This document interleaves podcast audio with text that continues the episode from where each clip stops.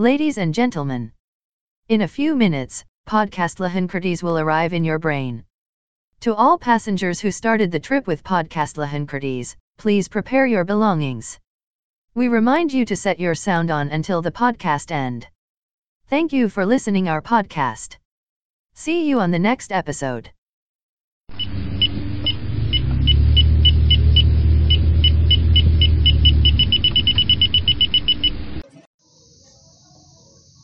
Halo semua, selamat datang di podcast Lahan Kritis. Jilid 2 Kami dari Fakultas Kehutanan Lembaga Eksekutif Mahasiswa dari Departemen Kajian dan Strategi. Eh, Karena kemarin kita belum perkenalan nama podcast kita itu apa Dan kebetulan setelah podcast kita dapat nama untuk podcast kita itu eh, Mungkin ini Restia pengen menjelaskan tentang apa? Eh, Kenapa sih kita itu kok memilih nama lahan kritis sebagai nama podcast kita? Silakan Restia. Jadi lahan kritis itu bisa dibaca di bio podcastnya ya. Yang pertama, kita mengartikan lahan kritis itu part satu sebagai masalah lingkungan. Oke. Terus yang kedua sebagai wadah menajamkan pikiran lo. Jadi antara lahan kritis ya lahan lahan yang lagi kritis atau lahan untuk orang-orang yang pengen berpikir kritis. Ah, mantap. Ya semoga nama adalah doa lah. Amin. Amin. Nah, eh sebelumnya mungkin kita perlu perkenalan dulu nih. Kan katanya kalau nggak kenal nggak sayang. Aduh, klise banget. Mungkin Sudah sumpah. biasa ya? Eh, ini dari Mas yang di depan saya. Silakan, Mas perkenalan. Ini sebenarnya ada di belakang saya. Iya. Eh, perkenalkan nama saya Nur Rohim. Halo. Biasa dipanggil Rohim. Terus saya, saya Dinda Viola Awani, biasa dipanggil Dinda. Ya, nama saya Tatak Suryo Pambudi, biasa dipanggil Tatak. Ya, nama saya Restia Cahyani, dipanggil Restia. Terus ini juga sebenarnya ada berapa ya? Harus Berapa orang? Banyak orang. totalnya harusnya 10 sih, karena ada satu dan lain hal mereka berhalangan hadir. Berhalangan hadir ya. ah gimana gimana. Kita di sini mau bahas apa nih di podcast kedua kita ini? Em, kebetulan karena kemarin minggu aku barusan ikut kelas Zero Waste Adventure yang diadakan oleh Mbak Siska Nirmala dan tim. Eh, gimana kalau kita cerita tentang itu aja, tentang Zero Waste Adventure? Boleh, boleh, boleh. Guys. Gaskui. Eh, kalian pernah nggak sih dengar istilah Zero Waste, teman-teman? Aku udah. Sudah pernah? Sudah. Dengar, dengar. Kalau tentang zero waste sudah pernah. Jadi kayak lebih ke peminimalisir apa minimalisir untuk Sampah. penggunaan sampah. Nah, benar-benar. Kalau Restia gimana, Res? Ya kan seperjuangan Den. Oke oke.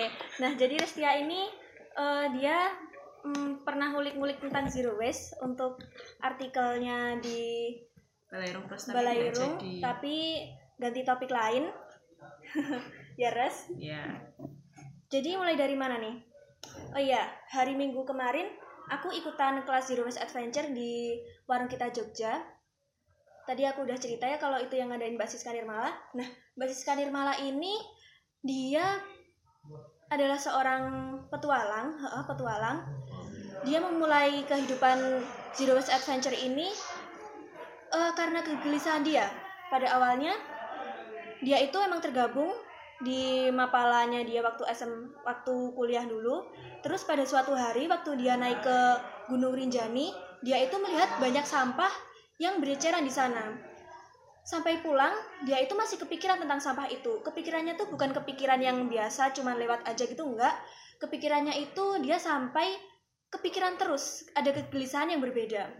Pada akhirnya, dia memutuskan untuk gimana caranya untuk berpetualang minim sampah. Lalu pada tahun 2017 dia menulis buku tentang Zero Waste Adventure.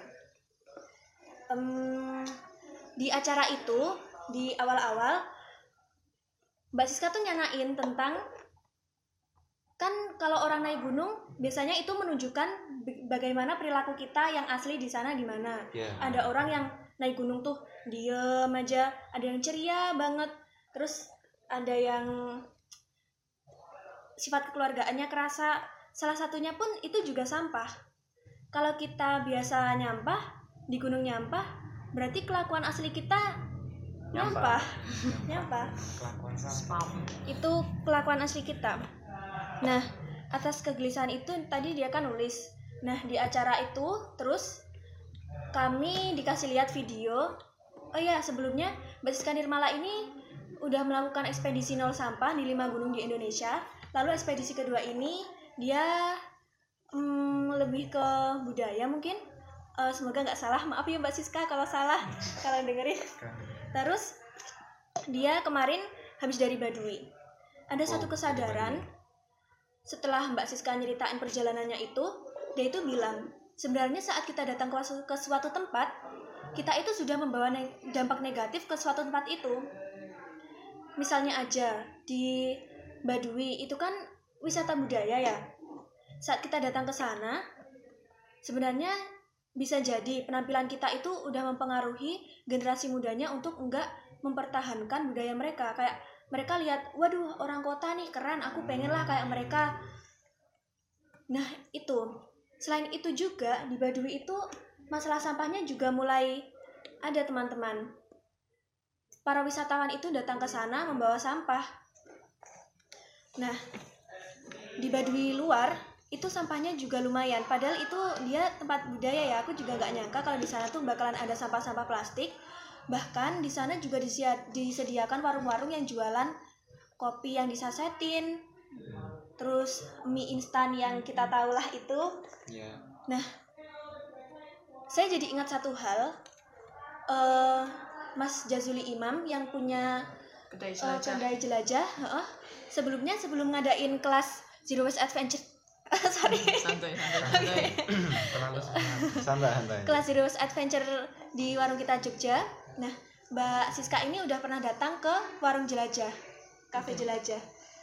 Nah, Mas Jazuli Imam sebagai pematiknya itu pernah bilang, sebenarnya kita budaya buang sampah sembarangan itu diwariskan oleh leluhur kita. Nah, sayangnya bedanya kalau leluhur kita itu buang sampahnya sampah organik, kita ini sampahnya bukan sampah organik. tapi sampah sampah plastik plastik Heeh, jadinya kita kayak ada suatu kekagetan, ada suatu hal yang cepet banget berubah dari sampah organik ke anorganik dan kita masih gagap dengan itu menurutku. Nah, masyarakat Baduy dengan sampah yang dibawa oleh wisatawan, mereka juga buangnya di kali juga. Hmm, wow jadi ikut-ikutan ikut-ikutan warga kota ya buang di kali Heeh, tapi mereka pun itu juga atas ketidaksadaran mereka itu Hmm. juga karena kurang edukasinya bahwa sampah plastik itu dia akan berada di landfill itu selama ratusan tahun. Hmm. Terus kalau di Baduy dalam emang nggak boleh sih ada kayak gitu. Nah berhubung pas Mbak Siska lagi ke Baduy itu ada suatu acara pembersihan, eh mungkin kalau gunung tuh ada fase di mana gunung itu ditutup Hmm. karena lagi masa konservasi apa ya Mas Ocim namanya? Masa itulah. kalau dalam budaya itu apa ya di Baduy aku lupa udah pernah baca sih tapi memang ada kalau dalam Baduy itu dalam beberapa waktu sekali itu memang ada fase untuk pembersihan daerahnya gitu itu dulu kayak misal Malioboro tuh ditutup pas hari apa nggak Iya, sih Ah, eh, nah. seperti kayak pembersihan Malioboro itu ditutup pas hari-hari tertentu gitu. Nah di Baduy pun itu di Baduy dalam gitu. Jadinya eh di daerah ada suatu pengetahuan lagi dari Baduy kalau di daerah hilir hulu hilir hulu ya kalau yang di atas aduh Hulu di atas, hulu hulu di atas. hulu astagfirullah itu di hulu itu mereka nggak boleh merusak tanaman nggak boleh manen pohon nggak boleh ngutik-ngutik daerah hulunya lah Mm-mm. Nah, terus itu tadi itu masalah yang di Baduy. Sebenarnya kalau kita lihat dari situ, masyarakat kita itu sebelumnya udah zero waste meskipun eh kita itu nggak menyebut mereka nggak menyebut budaya mereka itu adalah zero waste. Ya karena itu mereka organik sampahnya. Terus gimana teman-teman ngelihat Baduy dengan dampaknya yang dibawa oleh wisatawan ke Baduy itu gimana kalian ngeresponnya?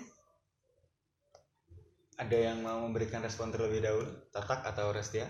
aku nanti Nanti Eh, Ya, tatak dulu boleh. ya?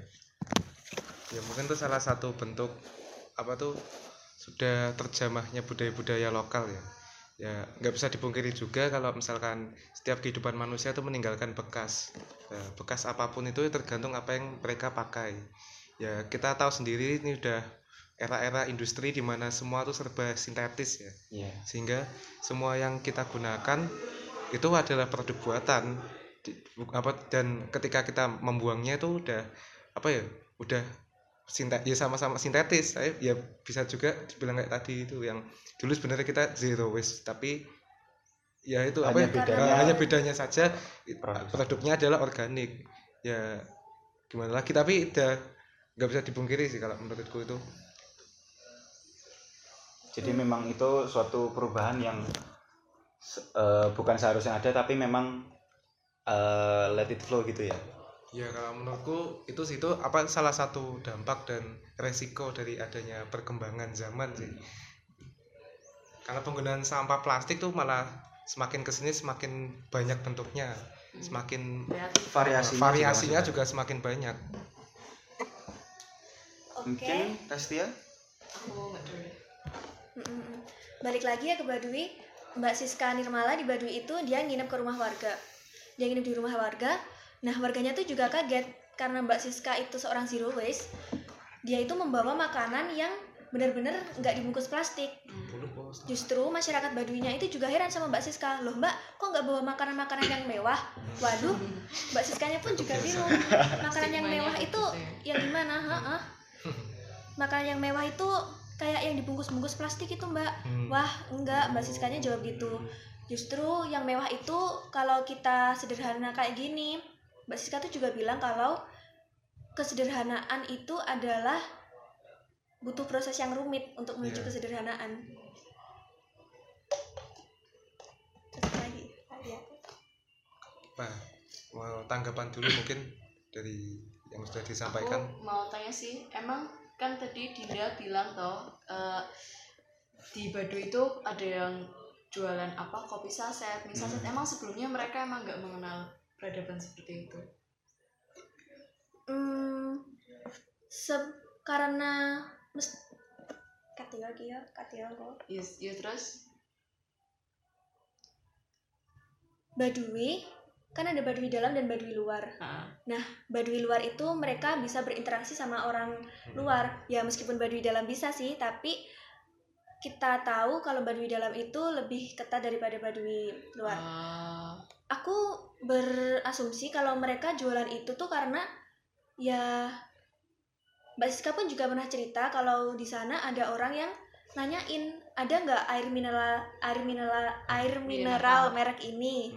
Itu ada nggak? Jadinya ya mereka menjual karena ada yang meminta Ya, Oh. adanya tuntutan dari iya. wisatawan yang datang ke sana mungkin.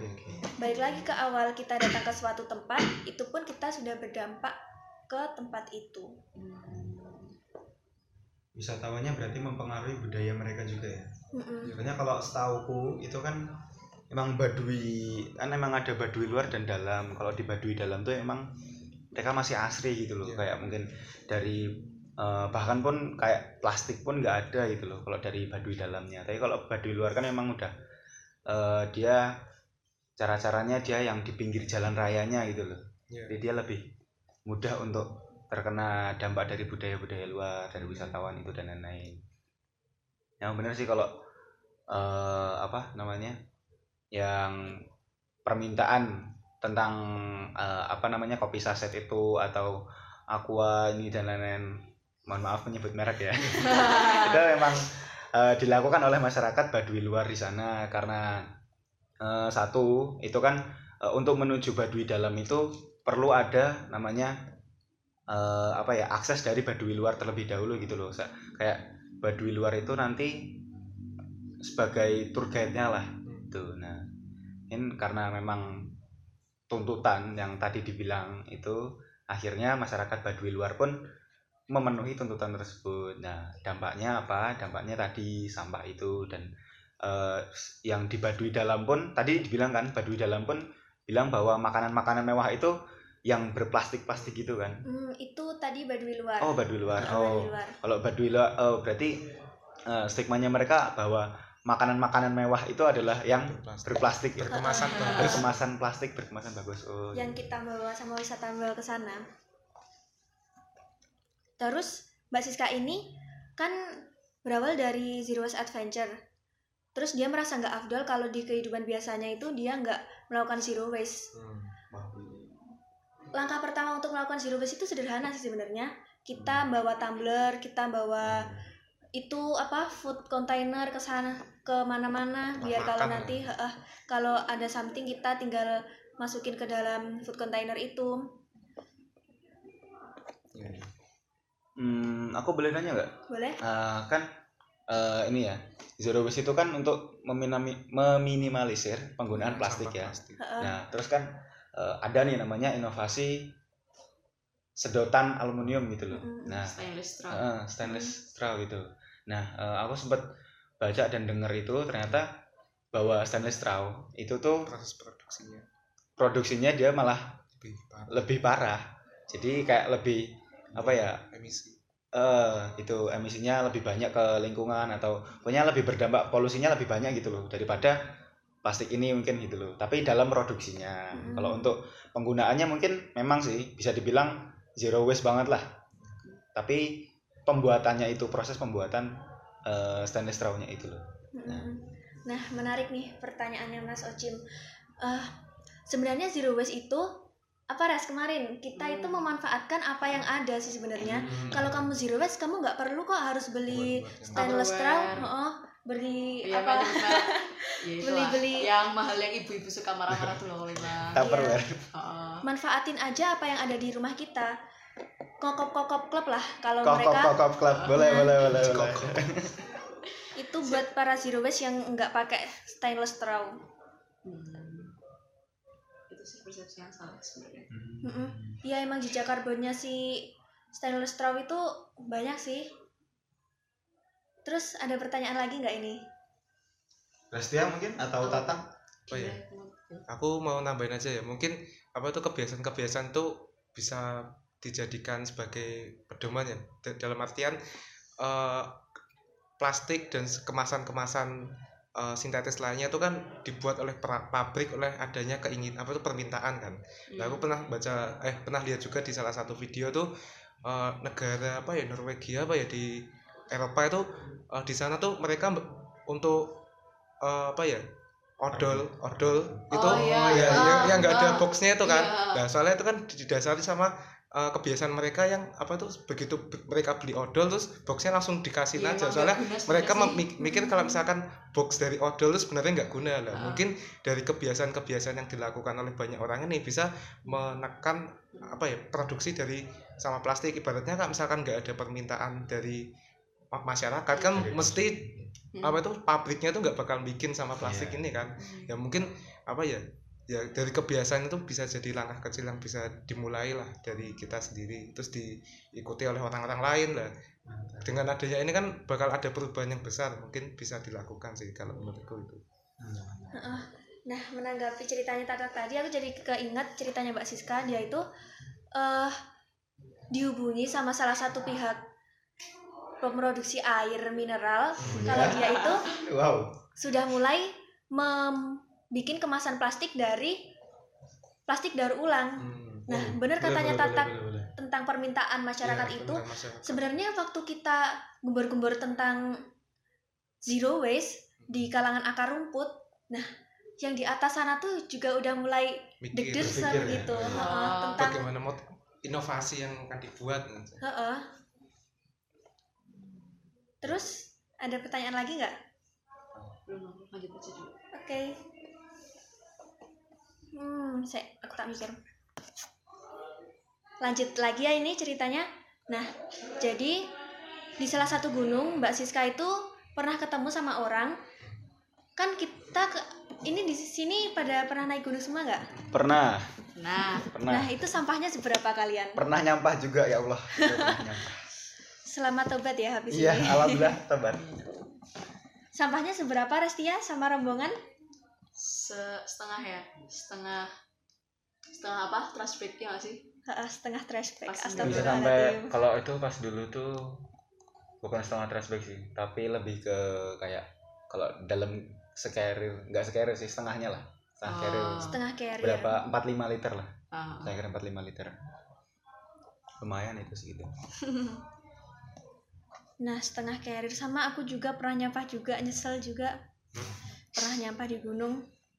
Nah terus dia ketemu sama orang yang bawa sampah. Orang yang bawa sampah kan biasa tuh kalau di gunung ngobrol-ngobrol sama orang bilang mari mbak dari mana? Dari bawah dari mana mas? Dari dari, bawah. tadi. Itu mas? Lima menit padahal masih satu jam.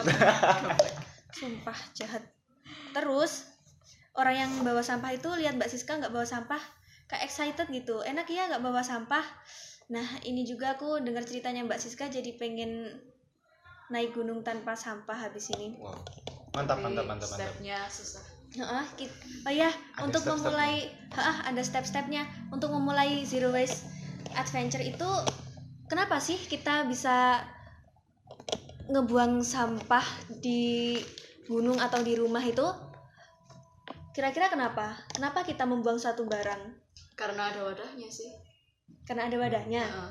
karena dia nggak kepake lagi itu Mm-mm. Ya, Heeh. terus kenapa harus- soalnya kan kalau misal kayak kemarin tuh Din yang kita ke Sindoro kan bawa beras Mm-mm. Nah, Mbak Siska kan dia bawa pakai tupperware tuh. Kita bawa pakai plastik karena tupperware sorry super. Karena pertimbangannya ya biar kita packingnya lebih mudah. Kalau pakai plastik kan dia iya. itu bahkan mengikuti bentuk. Mm. Nah, menanggapi Rastia yang pakai kita pakai plastik, sebenarnya masih ada alternatif lain daripada plastik itu kayak kita Oh, pakai tas kain. Eh, tas kain itu kita bisa pakai tas Oh. kain. Nah, terus kenapa kita bisa membuang suatu barang?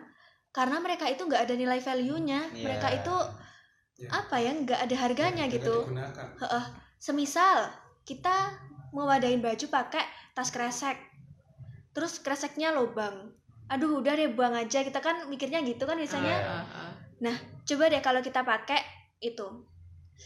Hah, dry bag. Dry bag kan tas itu kan selalu diapik-apik kan soalnya dia barang mahal. Coba deh trash bag lobang. Udah pasti nanti dia dibuang kalau udah nggak keguna Hmm. lagi. Terus, jadi kalau ingin zero waste adventure, kalau bisa gunakan barang-barang yang bervalue agar kita tuh bisa ngeman-ngeman juga mereka. Kita nggak bakalan nyampah. Ya mungkin kedengarannya, waduh mau zero waste kok susah banget Susah itu ya? Heeh. Malah kayak kita zero waste ngabisin duit tuh. Heeh. Hmm, mungkin di awalnya bisa itu ya kayak dikira menghabiskan duit itu tapi kan dampak ke belakangnya eh dampak ke depannya Jangka panjangnya eh, jangka sih. panjangnya itu Nah, benar dampak ke depannya. Terus kita tuh hitungannya investasi. Coba deh kali aja kalau kita beli trash bag bolak-balik sama beli itu dry bag satu kali. Bisa jadi hitungannya lebih murah kalau kita beli dry bag satu kali. Lebih kepada investasinya sih saat kita beli peralatan yang memiliki nilai value itu.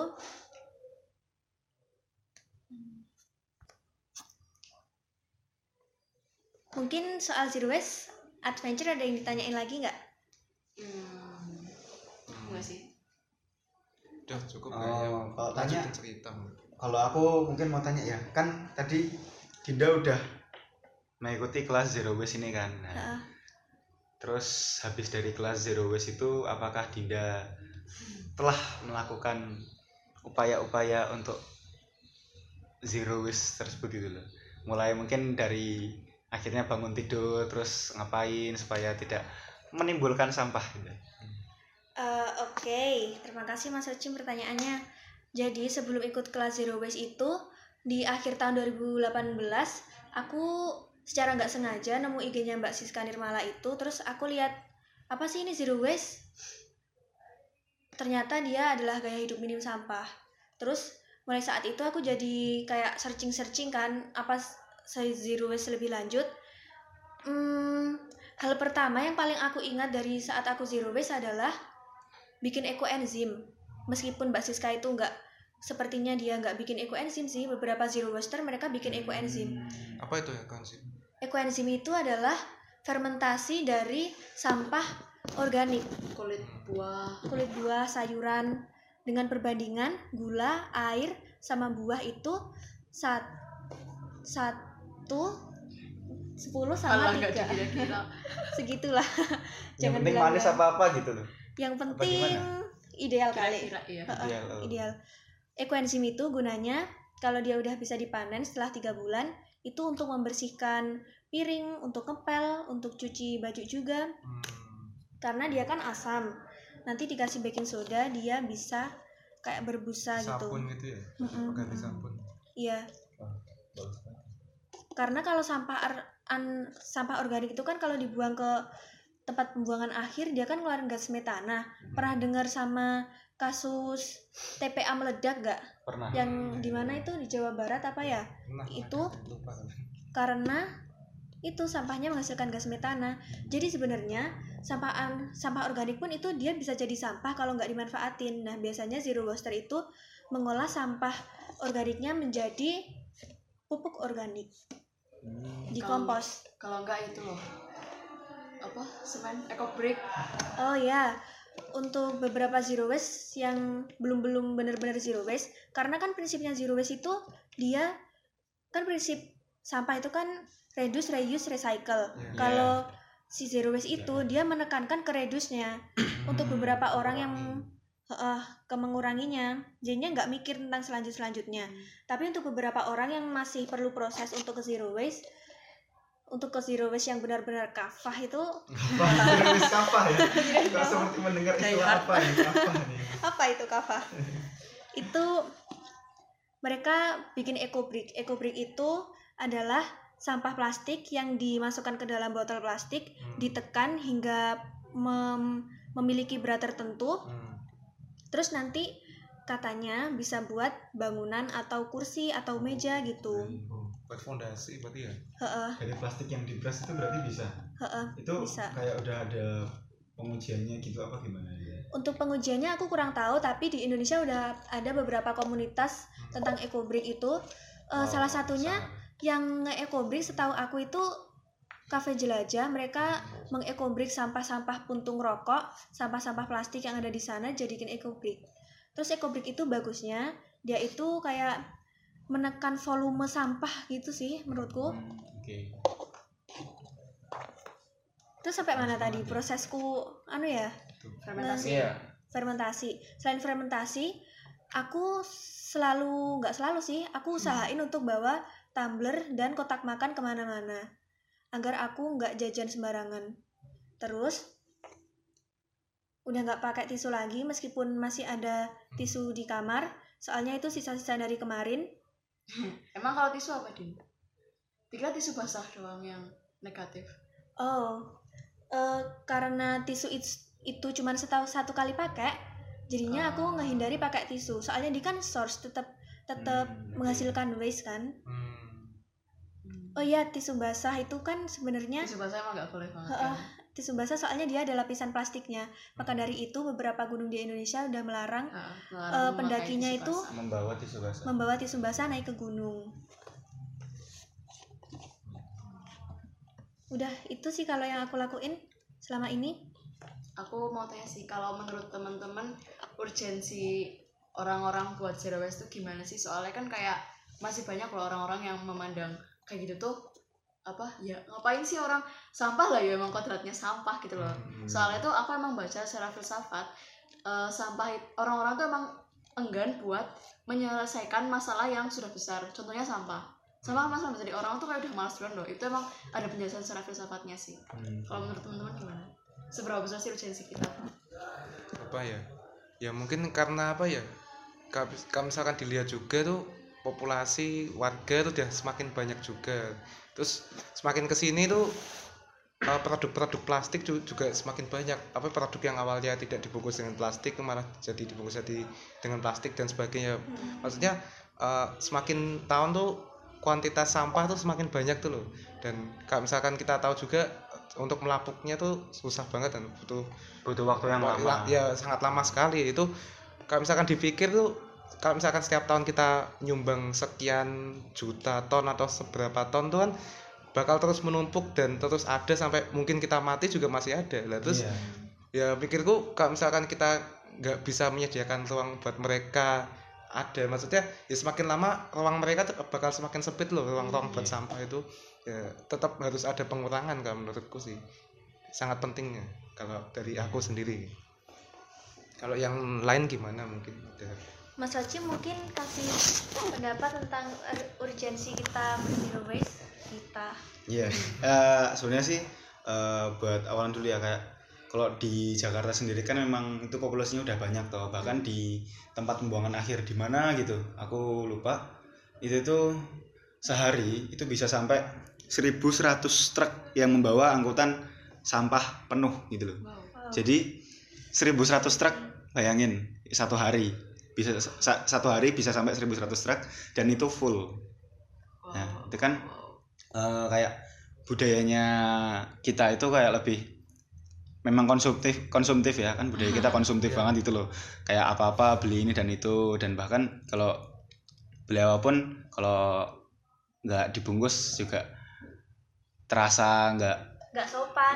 nggak sopan. Terus kayak kalau misal nggak dibungkus tuh aduh riwah bawanya gimana gitu iya. kan satu-satu Heeh, satu-satu. Soalnya kalau emang pakai plastik, apalagi plastik besar kan lebih Praktis. gampang, praktis gitu loh dan lain-lain. Kayak eh, gimana ya? Kalau itu tuh udah jadi permasalahan umum juga sih. Mungkin kalau dari berpikirnya gimana ya? Eh, masyarakat itu berpikir bahwa ya udah sampah biarin aja kan udah ada yang ngolah ini. Ngapain kita perlu repot-repot gitu. Mungkin kalau dari eh, pendapatnya gitu ya. Jadi pemahaman mereka gitu loh tentang pemahaman mereka tentang plastik itu masih kurang terus kayak kalau ada kalau diadain penyuluhan pun kayaknya kurang Iya. masuk gitu. kurang maksimal. Eh, walaupun penyuluhan tentang plastik ini harus gini gini gini masyarakat ini jadi gini gini dan lain-lain. Oh iya pak iya iya. Padahal nggak dilakuin sampai ada peraturan tentang pengurangan penggunaan sampah plastik juga di beberapa daerah. Kayak di Bali itu udah ada apa tuh peraturan gubernur tentang wisatawan tuh nggak boleh pakai sampah plastik dan sebagainya. Tapi ya nyatanya masih banyak Tetap juga kan yang melanggar dan sebagainya. Menurutku udah gimana juga ya dibilang kebiasaan Iya. apa gimana gitu kayak memang itu Udah, kultur sih kultur. atau kultur atau apa nggak tahu itu kultur yang dibawa dari mana gitu Tapi dulu tuh sempet ada itu nggak sih yang kalau di supermarket minimarket Ya, itu. ya Harus 200 bayar, kan. Nah. Terus Sekarang kenapa harus bayar kok kenapa 12. enggak? Sekarang udah enggak lagi. lagi. Itu kenapa? ya gimana? Karena gimana sih kurang tahu sih kalau untuk kejelasannya belum Dulu tuh kayak masif banget kayak orang-orang ngobrolin itu. Tapi kalau misalkan diterapkan lagi pun juga nggak terlalu itu sih nggak terlalu efektif ya. 200. cuma 200 ya kita misalkan beli di misalkan apa ya minimarket lah ya kan. Harganya kan nggak genap kan misalkan 2800 Iya. lah. 2800 mending bayar 3000 nggak usah kembalian buat sampah plastiknya itu. Itu nggak terlalu efektif sih nggak menurutku. Jadi mungkin bisa dimahalkan. Ya kecuali kalau misalkan gini aja minimarketnya nggak menyediakan sama sekali lah terus Nah. tergantung mereka mau bawa kayak gimana. Oh, Nah, bodo amat. jadi bodo amat lah. Ya kan mereka jadi besoknya pakai apa tote bag mungkin dan sebagainya. Itu lebih memaksa sih itu lebih memaksa. lebih ekstrim caranya. Nanti mungkin malah dilaporkan. Gitu iya malah dituntut dituntut kenapa tidak menyediakan plastik. Wah aneh itu dari budaya Nah, lihat dari sekolahnya teman-teman itu tadi, iya, ah benar. Orang Indonesia tuh kalau nggak bungkus sesuatu tuh kayak sungkan gitu. Iya, sungkan. Nah, aku pengen sharing suatu pengalaman. Waktu itu aku beli es, es drop, es khas Blitar yang dia itu dibungkus sama kertas di makam Bung Karno waktu itu. Nah, aku belikan, bapaknya tuh maksa aku untuk tetap pakai plastik. Katanya harus pakai plastik mbak, kalau nggak pakai plastik nanti sini yang dimarahin. Waduh, saya bingung kan. Akhirnya ya tetap aja lah saya terima. Oke, kecolongan satu plastik. Oh ya, eh gimana mau bahas nggak apa? nggak mau? Iya. Eh, teman-teman ini jadi loncat-loncat nih. gimana Ini ya zero waste. eh ini aku mau ngajak teman-teman di sini untuk bicara Iya. tentang kewanitaan nih. Rada permisi juga. Eh enggak, ini pada laki-laki baru semua kan udah Wah, open mind gitu kan. ini Kita apa namanya edukasi nggak nggak ada Edukasi. yang Iya. tabu di dalam tidak ada edukasi yang tabu dan tidak Siap, tidak ada yang tabu di dalam edukasi. edukasi. Siap. Eh salah satu masalah perempuan dalam menghadapi masalah sampah itu tiap bulannya kami nyampah. Hmm, iya.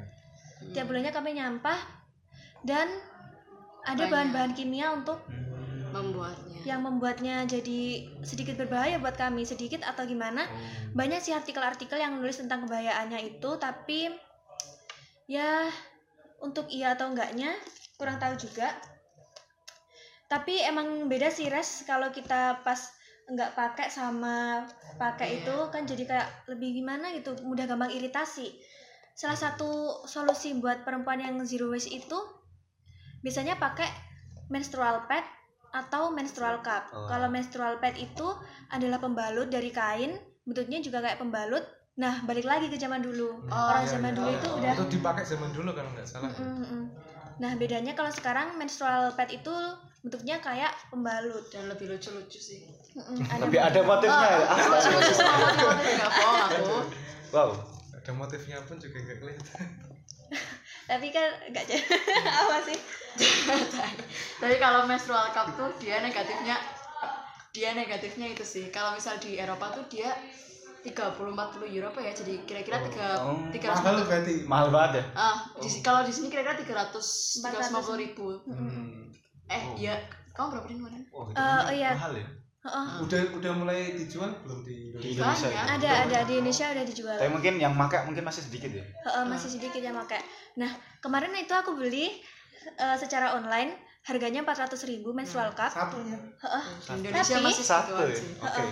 tapi kalau dihitung-hitung dari kita beli umpamanya satu bulan 20.000 ribu Hmm. sedangkan Oh, iya, iya. menstrual cup itu 400.000 ribu untuk 10 tahun itu 10 tahun 10 tahun. 10 sama. kali beli bisa 10 tahun. jangkanya gitu? 10 tahun Oh. heeh. Sama aja berarti kayak tadi itu ya yang daripada pakai plastik Iya, pakai itu kan pakai sama aja sebenarnya. Iya. Kayak pakai investasinya itu kan. Bener baliknya ke investasi lagi. Menstrual cup itu harganya 400.000 ribu untuk 10 tahun teman-teman. Tapi kalau di Eropa udah lumayan dihituin sih. Aku malah jadi kepikiran temen-temen udah tau nggak kalau di India itu wanita haid itu agak direndahkan? Oh Hmm, iya iya. mereka tuh kalau misal ah, kalau misal haid tuh mereka kayak ada bahkan ah, bahkan ruang tersendiri gitu gitulah terus mereka juga baru mulai ada pembalut di negara mereka tuh setelah tahun berapa gitu lah belum lama pokoknya. Ada satu orang yang perjuangan pembalut dan kalau nggak salah itu lelaki sih. Hmm. dia karena melihat istrinya sering gimana gimana terus sampai aku tuh pernah lihat ada kasus eh, dia remaja um, umur SMP ke SMA kalau nggak salah. Dia apa dapat head waktu di sekolah loh hari pertamanya itu. Dan itu langsung diolok-olok sama teman sekolah termasuk gurunya. Akhirnya di hari itu juga dia langsung bunuh diri. Astagfirullahaladzim. Itu emang kalau di India tuh eh gitulah aku nggak ngerti masalah kepercayaan atau masalah apa tapi wanita itu itu tapi menurutku sisi positifnya adalah karena mereka baru mengenal pembalut kemarin berarti sebenarnya dari dulu mereka zero waste banget dong Iya. itu sih Mungkin itu nilai plus mereka ya. Jadi mereka zero aku baru waste kepikiran itu gitu. sekarang loh dan padahal yang bapak-bapak yang memperjuangkan apa pembalut pembalut India itu kayak di oppress banget loh Hmm. padahal sebenarnya padahal kenyataannya mereka dia mengurangi zero waste menambahi Iya, menambah zero plastik waste ya. udah sih aku pengen Iya. intermezzo itu aja oke oke oke Malah sebetulnya kita kembali ke zaman dahulu ya kalau apa tadi pembalut dari kain itu ya. Heeh, Iya. kembali ke zaman dahulu sebenarnya orang dulu itu udah zero waste nah kembali ke menstrual cup menstrual cup ini dia terbentuk dari silikon yang dia permisi teman-teman dia caranya dimasukin ke ke vagina Hmm. ke situ tapi itu diyakini lebih sehat daripada kita pakai pembalut yang berbahan kimia yang sekali pakai itu Hmm. Tapi minim sampah banget sih emang 10 tahun satu cup silikon itu mantap lah Jadi kalau dalam jangka waktu mungkin setahun dibandingkan dengan yang dipakai per bulan apa-apa gitu lebih efisien yang tadi itu ya daripada cup. ya lebih efisien menstrual cup berarti ya. dan nyucinya juga gampang daripada menstrual pad soalnya menstrual pad kan kain kita perlu nyuci sampai dia Ah. benar-benar bersih Jadi step-step iya. apa Yang ringan-ringan aja. itu? Uh, uh. apa tuh mungkin caranya mbak siapa tadi? Mbak Siska. Ya mbak Siska itu supaya orang-orang tuh tertarik dan aware tuh terhadap Hmm, tentang ini, zero waste tentang zero waste ini. Jadi biar mereka tuh oh iya ternyata ini harus dilakukan lah. Itu cara mbak Siska cara efektif yang disarankan oleh mbak mbak Siska itu gimana? Cara mengkampanyekan Ya, cara kampanye. uh, Hmm, mbak Siska sendiri bilang kalau dia itu zero waste-nya dengan cara mm, kampanye zero waste-nya dengan cara memvirusi anak-anak muda. Hmm, Soalnya kalau dia itu Iya. memvirusi ibunya yang udah ya, terbiasa dengan Sampah. keadaan heeh, dengan plastik dari masa mudanya susah. itu lumayan susah. susah Maka ya. dari itu dia itu berjuangnya lewat jalur zero waste. Hmm, Dia ngajak anak-anak muda untuk berpetualang sama dia. Jadi dia kalau nggak zero waste, dia nggak adventure. hmm. Kalau dia mau ke gunung apa gitu, dia bakalan zero waste. Dan tiap kali ke suatu gunung, dia itu bakalan ngajak orang-orang yang berbeda supaya virusnya itu bisa nyebar merata. contoh di zero waste di gunung Zero waste di gunung. Nah, Dia sebenarnya bawa apa Oke. Eh banyak sih orang yang bilang kalau kok banyak Mbak Siska yang bilang kalau nyempil nyempil sendiri. Mbak Siska itu bilang kalau lah Mbak kan di gunung itu kan yang mantap kalau kita makan mie-nya kan. Hmm. Iya, di gunung itu paling enak pagi-pagi makan mie minum kopi. Ya. Nah, sebenarnya apa sih yang kita butuhin? Anget-angetnya kan? Hmm. Iya. Nah, anget-anget itu bisa diganti sama sayuran. Hmm. Untuk minuman, kita juga bisa bikin alternatif lain selain yang bawa saset-sasetan jahe. Ya. Itu Oh, bisa iya. mungkin kalau bawa kopi diwadain ke satu tempat Hmm. itu gitu ya kayak bisa bisa tempat makan apa gimana gitu, Mm-mm. biar Tapi jangan sampai salah konsep bahwa zero waste adventure itu cuman memindahkan barang yang berplastik hmm, ke barang yang enggak tidak berplastik Heeh, Iya. yang bisa dipakai ska- seterusnya. Hmm. Jangan-jangan ntar pernah sih ada yang nanya ke Mbak Siska kalau Mbak kalau saya gini gimana? Minyak saya taruh di toples itu gimana? Itu ya sama aja coy, sama aja itu nggak zero waste. Oke. Amam. kenapa bisa itu kan sudah nggak pakai bungkusnya Tapi kan kita tetap ngebuang sampahnya nanti itu jadi sampah kan.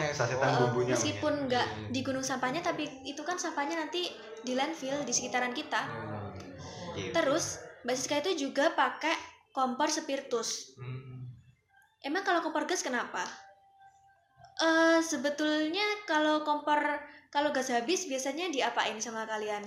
itu kan Iya. gas apa gas, gas gunung gas gas, biasa gas gunung. Gas gunung ya di apa tabung gas gunung dibuang. Buang. Ya kita beli lagi otomatis gitu. Beli lagi. Nah, ada orang yang di refill, contohnya aku.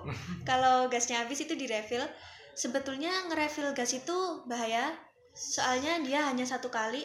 Cuman orang Indonesia aja kan, mereka apa aja bisa Ya. jadilah. Apa aja bisa di tambal ulang. aja ada di Indonesia. Oh, tambal ban aja ada padahal di luar negeri belum tentu ada. Kenapa Mbak Siska pakai kompor spiritus? Karena yang paling minim sampah adalah spiritus. Selain spiritus ada lagi sih sebenarnya ada kompor multifuel meskipun itu dia lebih mahal harganya. Tapi spiritus adalah salah satu bahan yang mudah ditemui di Jawa meskipun di luar Jawa itu susah nemuinya. Karena alasan dia nggak nyampah sih spiritus. Terus saat kita bawa sayuran, sebenarnya sayuran itu perlu nggak sih diwadain kresek? Kenapa Enggak. sih diwadain kresek? Adanya Mungkin Enggak enggak diwadain kerasnya bisa. Enggak. Bisa, Bisa sih. kan? Paling tupperware Iya, atau kayak apa gitu-gitu. gitu. Toples apa. semuanya tentara semua di situ aja Iya. Nah, mungkin kita mau mengkampanyekan tupperware aja. abis ini sponsorin teman gue malah jadi itu perusahaan besar Bener. Sebenarnya kita nggak perlu sih ngadain si sayuran ke kresek. Hmm. Soalnya kalau dia, dia diwadain kresek kan malah justru ngembun. Hmm. Kita bisa pakai alternatif lain yaitu kantong kantong dari kain. kain ya Mm-mm. Nggak harus beli sebenarnya zero waste itu kalau ada heeh, bikin gampang bi- bikin sendiri dari baju-baju yang udah nggak dipakai itu Hmm. bisa kayaknya ini langsung closing statement aja Hmm. dari masing-masing langsung Mungkin sebelum itu eh, apa ya kayak step yang runtutnya gitu loh. nah Hmm, Oh, Step oke. runtutnya benar-benar untuk mahasiswa eh, terutama eh, terutama untuk mahasiswa bagaimana konklusi untuk kita melakukan zero waste ini loh terutama di lingkungan kita sendiri gitu Hmm.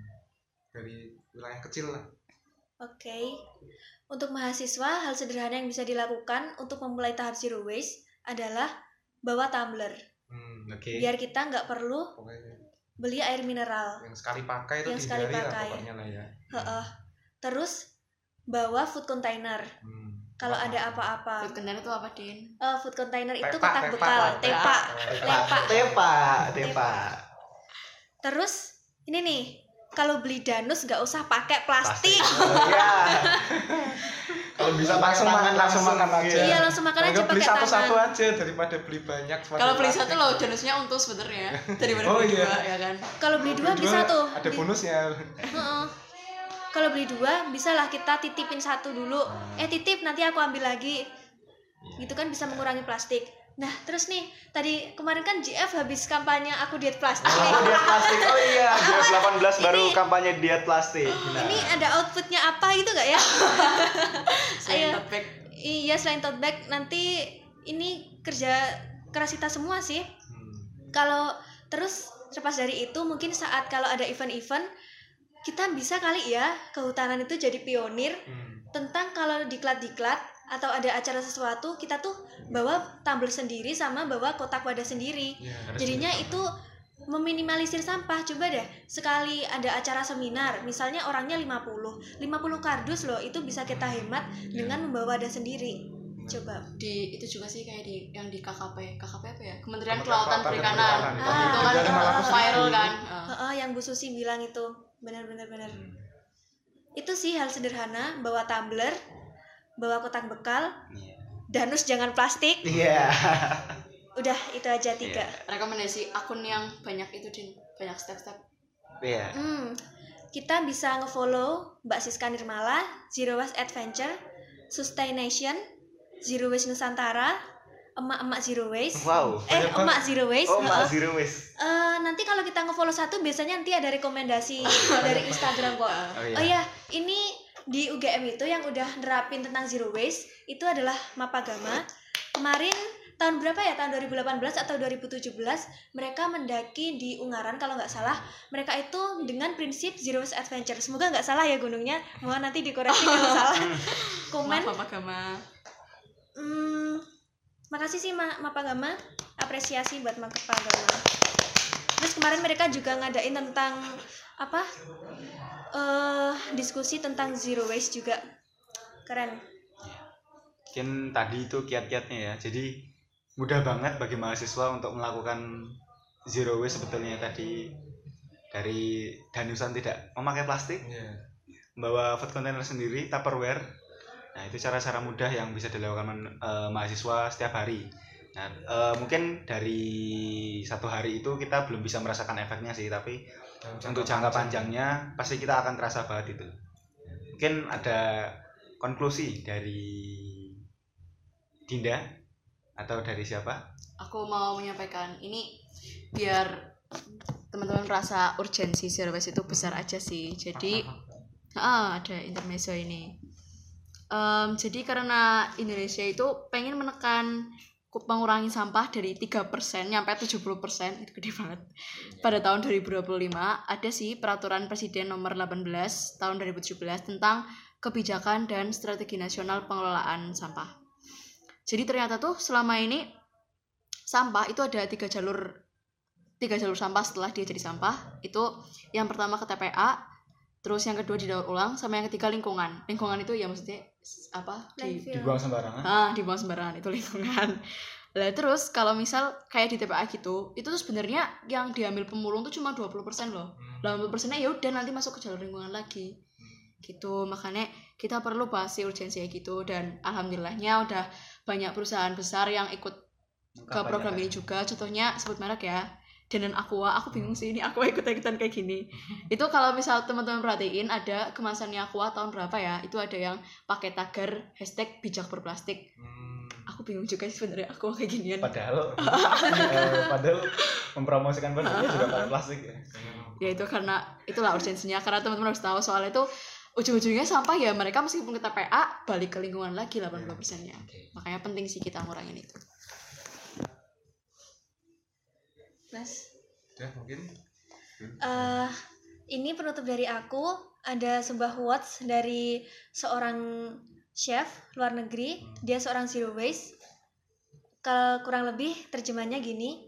Kita nggak butuh satu orang yang melakukan zero waste secara sempurna tapi kita butuh banyak orang yang meskipun tidak sempurna mereka melakukan zero waste Eh, terima kasih teman-teman udah ngedengerin podcast kita.